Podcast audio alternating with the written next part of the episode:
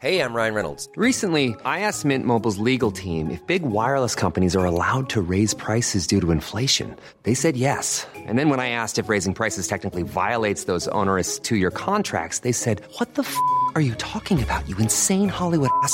F- So to recap, we're cutting the price of Mint Unlimited from $30 a month to just $15 a month. Give it a try at mintmobile.com slash switch. $45 upfront for three months plus taxes and fees. Promo rate for new customers for limited time. Unlimited more than 40 gigabytes per month. Slows. Full terms at mintmobile.com.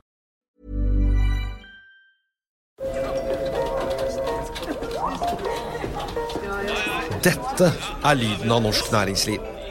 Akkurat nå tas det små og store valg som kan bli avgjørende for fremtiden. Med økonomisystemet X-Leger tas disse beslutningene basert på informasjon i sanntid, slik at drømmer og ambisjoner kan bli virkelighet. Få kontroll og oversikt, gå inn på xledger.no. Denne sendingen er sponset av Xleger.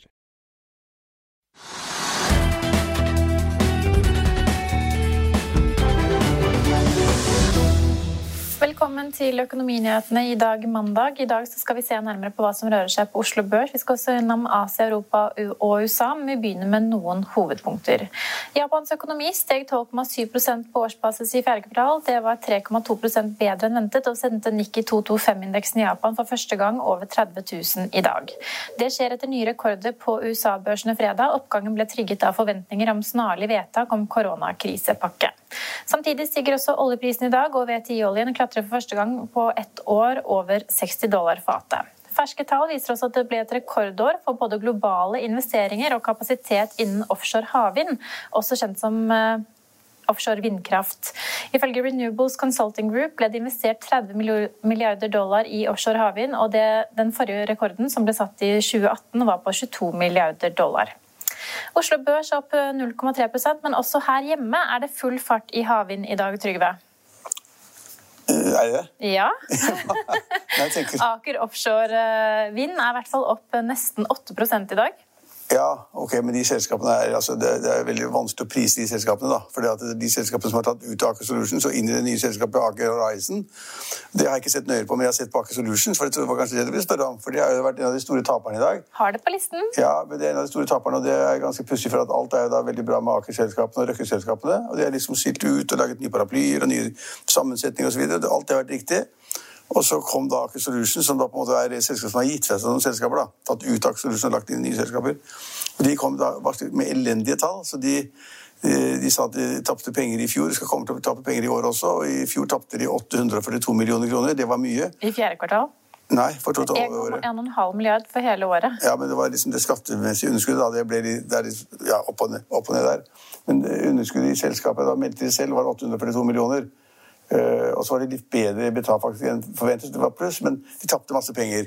Og det gjorde at aksjen da falt som en sten og har vært ned da 12-13 i dag. Den ble vel også pauset på et tidspunkt? Det ble også pauset, for da, Når det er så store fall og det ikke foreligger noen informasjon, så vil da børsen helt automatisk gå inn og sjekke om det foreligger noen spesiell informasjon, som må da deles med hele markedet. Eh, Det kom ikke frem, og så ble da kursnoteringen tatt opp igjen, og så ligger den der da som en stor taper i dag. Ja.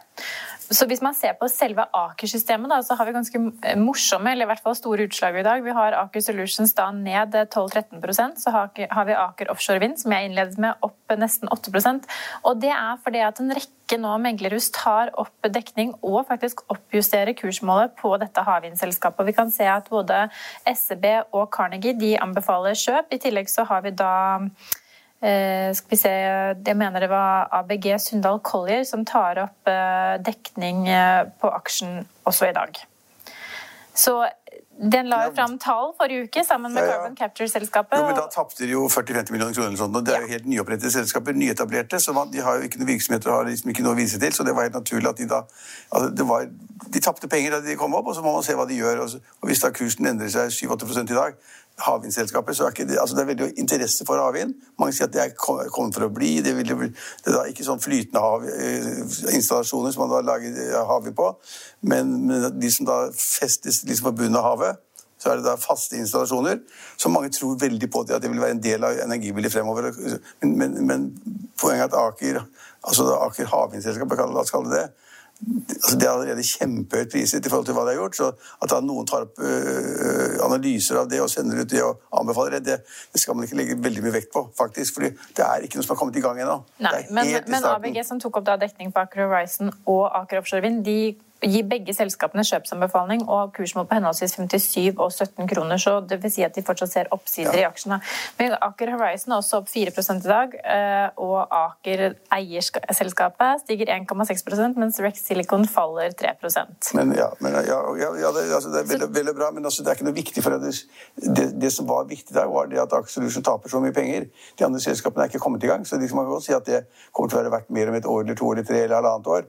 Men det er ikke skjedd noe som helst, så det er på en måte litt merkelig at det rundt disse røkkeselskapene blir så mye snakk om de andre selskapene, når da det selskapet det virkelig gjelder, går veldig dårlig. Ja. Så har vi Targovax, eh, som stiger 16,5 i dag. Ja, det, ja det, er, det er fordi det har kommet melding om at eh, de skal få en sånn fast track på da, godkjennelse av medikamenter til bekjempelse av kreft. Det er viktig, og det har de holdt på med lenge. Og det syns da markedet er kjempebra, selvfølgelig. Det forstår jeg godt. Og tenker at Hvis de kommer i fast og hvis de blir godkjent et eller annet, og hvis de kan alliere seg med noen som kan tjene penger på det, så er det masse penger i det. Ja, for det er vel FDA, da, dette amerikanske helsetilsynet, som har, som har satt dem på en sånn fast track. Og da er det denne føflekkreft... Ja, det er iallfall en, kreft, det er en kreftbekjempelsesmiddel, da. Ja. Seadrill stiger fortsatt i dag, fortsetter opp fra oppgangen vi så fredag, opp 7% Det er litt vanskelig å forstå etter eh, forrige ukes melding, Trygve. Hva kan vi lese ut av den oppgangen her? Jeg syns ikke man kan lese så veldig mye. Jeg synes det var rart at, at aksjekursen var opp 25% en periode. Så har den falt litt tilbake. Altså, alle har visst om denne re re reorganiseringen av selskapet. Det er sånn chapter 11-prosess, hvor da gjelden skal erstattes eller gjøres om til aksjer osv. Og, så videre, og vi vet alle, alle at selskapet selv har sagt at de gamle aksjonærene de som er aksjonærer får omtrent ingenting. Eh, og det vet vi, og så vet vi ikke helt da sikkert da hva Jon Fredriksen vil gjøre, men han vil da sannsynligvis fortsette videre og putte noen penger på bordet. Og så vil da mesteparten av gjelden forsvinne. og det, det, altså, det kom noen sånne meldinger om at var, nå var noe på plass, eller det var ordner, eller, eller hva det måtte være. Men man må liksom se på basics. Basic er det at de er- det gjeld i det selskapet. Eh, og så skal man da finne ut hvor mye gjeld kan du ta videre i et nytt selskap. altså Hvor mye gjeld kan du kvitte deg med, og hvor mange av de gamle aksjonærene kan du kvitte deg med ved at de som da eier gjelden, gjør det om til aksjer i det nye selskapet. Og der er det liksom, De er visst i mål omtrent, men at det gjør da at de gamle aksjonærene har, har noe mer penger. Det tror jeg ikke noe på. De gamle aksjonærene får omtrent null og niks uansett. Ja, Det ble også skrevet i meldingen vi, vi tok for oss på sending forrige uke, at det ble veldig veldig lite igjen til de Ja, det blir liksom eksisterende aksjonærene. Når selskapet sier det rett ut slik at det blir liksom ikke noe igjen, så blir det ikke noe igjen. Men, eh, men, men det er en, re, det er sånn en refinansieringsprosess. Den går sin gang. Og Sider er på en måte verdt ingenting, dessverre. Så hører vi at Kepler Chevrolet, dette meglerhuset, tror kursfesten vil fortsette for Golden Ocean, Trygve. I dag så stiger Golden Ocean 4,5% Kepler Chevrolet mener aksjen kan stige 67% 67 eller 6 til 7? 67 67. Ja, nesten 70 Ja, ja.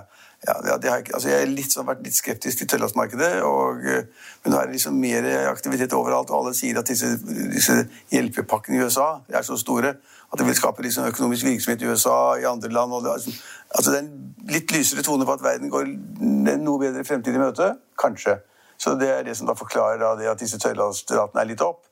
Eh, og at, at man også da tror at aksjekursen er også litt opp. Men altså, tørrladsmarkedet er så langt unna de tidligere høyder at man nesten ikke kan forstå det. Altså, jeg tror, eh, b- eh, jeg tror den indeksen, eh, Baltic Dry-indeksen, den ligger på 1300 eller 1400 eller sånn nå. Mens den på toppen har ligget på 11 000-12 000. Så det er veldig liksom stor, av, av, stor avstand fra dagens marked til da markedet var på topp. Ja. Så har eh, Folketrygdfondet kjøpt seg opp til en eierandel på 5,01 i Borregaard i dag. Borregaard stiger 9% Det er ikke en aksje vi snakker spesielt mye om. Nei, det er ingen som bryr seg noe særlig om det, men de er veldig flinke. Tjener penger hele tiden og gjør de riktige tingene. Det er på en måte hvordan man skal ta mest mulig av, ut av trestokken. Borregaard var treforedlingskonsern. Ta mest ut av trestokken, lager da kjemiske produkter ut av det som kan brukes i alle mulige sammenhenger. Og de er flinke, av at Folketrygdfondet går inn, det er interessant å vite, for de er ganske konservative. De gjør ingenting uten å tenke seg om tre ganger. Og Borregaard har i lang tid vært sett på som et veldig bra selskap. Men Borregaard, kan vi kategorisere det som et type grønt selskap? Ja, det er grønt alt som har med trær og Trær er grønne, og bladene er grønne. Ja, det, det Før sa man at det var et kjemikonsern. Ja. Så, hvordan, så liksom, det er ikke så lett å bli, gå fra, løpe fra kjemikonsern til å være et grønt selskap. Bank Norwegian, eller eh, Norwegian eh, Finance Holding, legger frem tall fjerde kvartal. Det er ventet at de vil legge frem et resultat på 624 millioner og en omsetning i underkant av 1,4 milliarder i fjerde kvartal. og Disse tallene kommer på onsdag, men i forkant av tallene så ja, aksjen faller litt tilbake, ned en halv prosent i dag. Hva tror du vi kan vente oss noen overraskelser, fra Bank Norwegian på onsdag? Nei, altså, Det føler jeg ikke så godt. Det tør jeg ikke si engang. Nei.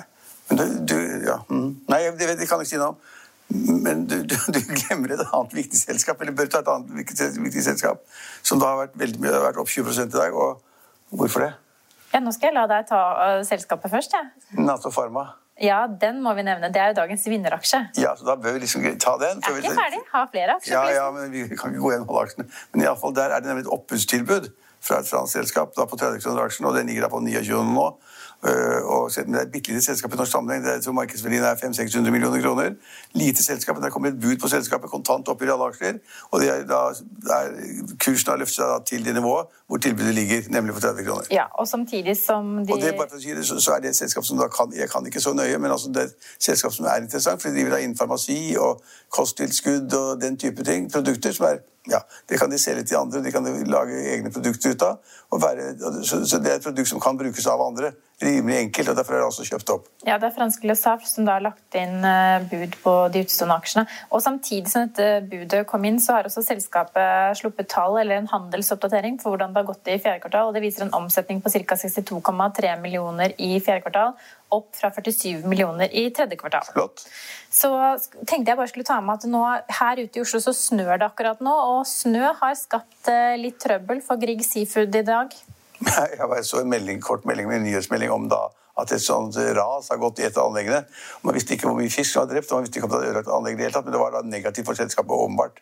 Ja, så aksjen faller tilbake 2,5% og det er da to merder som er rammet av dette snøskredet i Finnmark. Og så nevnte du innledningsvis, Elina, at eh, oljeprisen var over 60 dollar på fat. Ja, men det, den er over 63.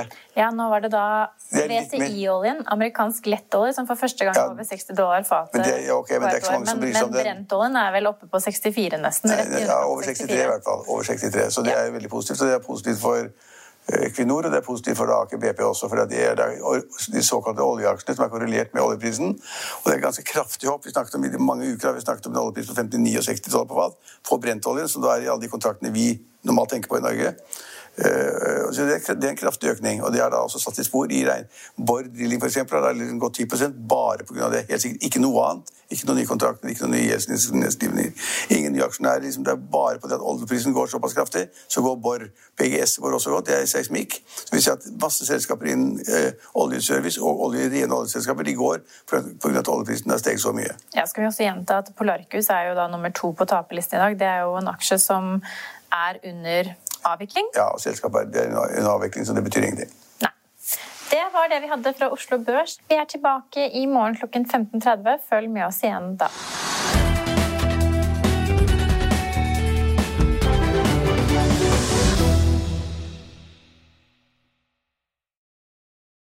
Denne sendingen er sponset av Xleger. Økonominyhetene er en podkast og videoproduksjon fra Finansavisen. Programleder er Marius Lorentzen. Aksjekommentator er Karl Johan Molnes. Produsent er Bashar Johar. Podkast- og videoansvarlig er Marius Mørk Larsen. Og ansvarlig redaktør er Trygve Hegnar.